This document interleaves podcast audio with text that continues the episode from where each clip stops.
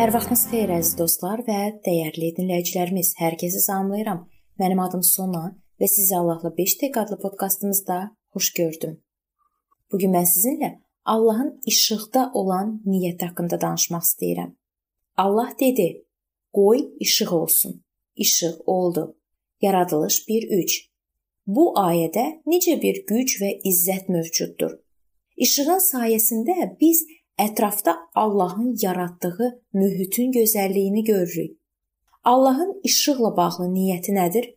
Ola bilsin Nuh bunu aşkar etmək üçün səlahiyyətli olan ilk insandır. Dünyanı su basdıqdan sonra Allah işığın möcüzəvi nümayişini, göy qurşağını göstərməklə Nuha olan vədini təsdiqlədi.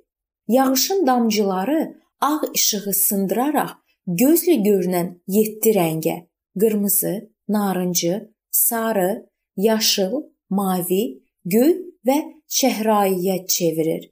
Bizim üçün əlçatan olan rənglər bu sıralama ilə təqdim edilir. Allah həmçinin müəyyən maddədə olan pigmenti yaradıb. O spektrin dalğalarının müəyyən uzunluğunu əks etdirir. Məsələn, banan spektrin sarı rənginə uyğun gələn dalğaları, yetişmiş qırmızı pomidor isə spektrin qırmızı hissəsinə uyğun gələn dalğaları əks etdirir. Torpaq rəngləri qəhvəyi və boz eyni anda spektrin müxtəlif dalğalarının müvafiq uzunluqlarını əks etdirir. Sintetik pigmentlərin işlənib hazırlanması müxtəlif rəngləri kifayət qədər səmərəli istifadə etməyə imkan yaratdı. Qırmızı, sarı və göy rəngin köməyi ilə biz göy qurşağının bütün çalarlarını yarada bilirik. Əgər bütün 6 rəngi bəzən göy qurşağını 7 yox, 6 rəngə bölürlər. Yuxarıda göstərilən sıralama ilə və dairə boyu düzsək, rəngli dairə əmələ gələcək. Qırmızı, sarı və göy əsas rənglərdir. Narıncı, yəni qırmızı, sarı, yaşıl, sarı, göy və çəhrayı, göy, qırmızı ikinci dərəcəli rənglər formalaşdırırlar. Əsas və ya ilkin rəng, məsələn qırmızı, ikinci dərəcəli, məsələn narıncı rənglə qarışanda sonda üçüncü rəngi ortaya çıxarır. Məsələn qırmızı narıncı. Allah müəyyən rəng sıralamasını və rəng qarışığı prinsiplərini yaradıb. Rənglərin hərarətini xatırlayaq. Şərt olaraq dairəni yarıya bölsək, isti və soyuq rənglər alınacaq. Qırmızı, narıncı və sarı isti rənglərdir.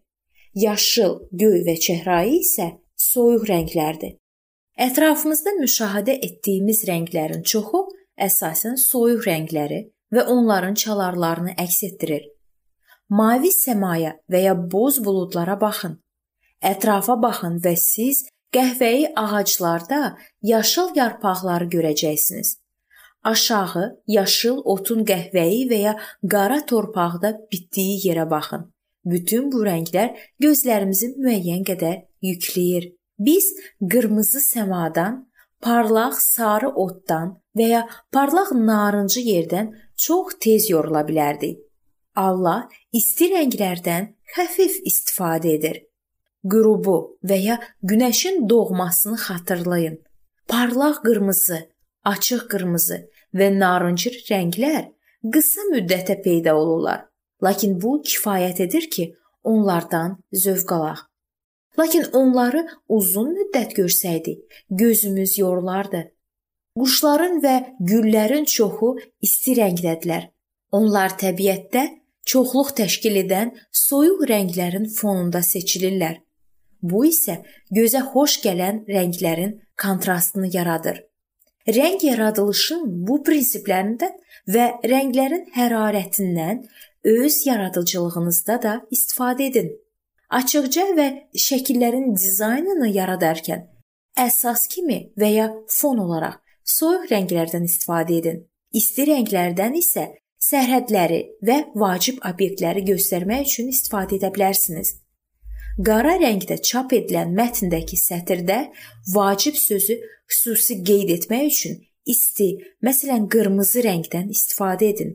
Ola bilsin, otağınızın bir küncünü nə cürsə canlandırmaq istəyirsinizsə, sadəcə isti rəngdə olan bir neçə əşyanı əlavə edin.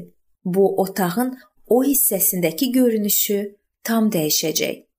Allah təbiət vasitəsilə bizə necə gözəl məsləhətlər verir. Yaradanın növbəti 2 alətini isə biz növbəti görüşümüzdə araşdıracağıq.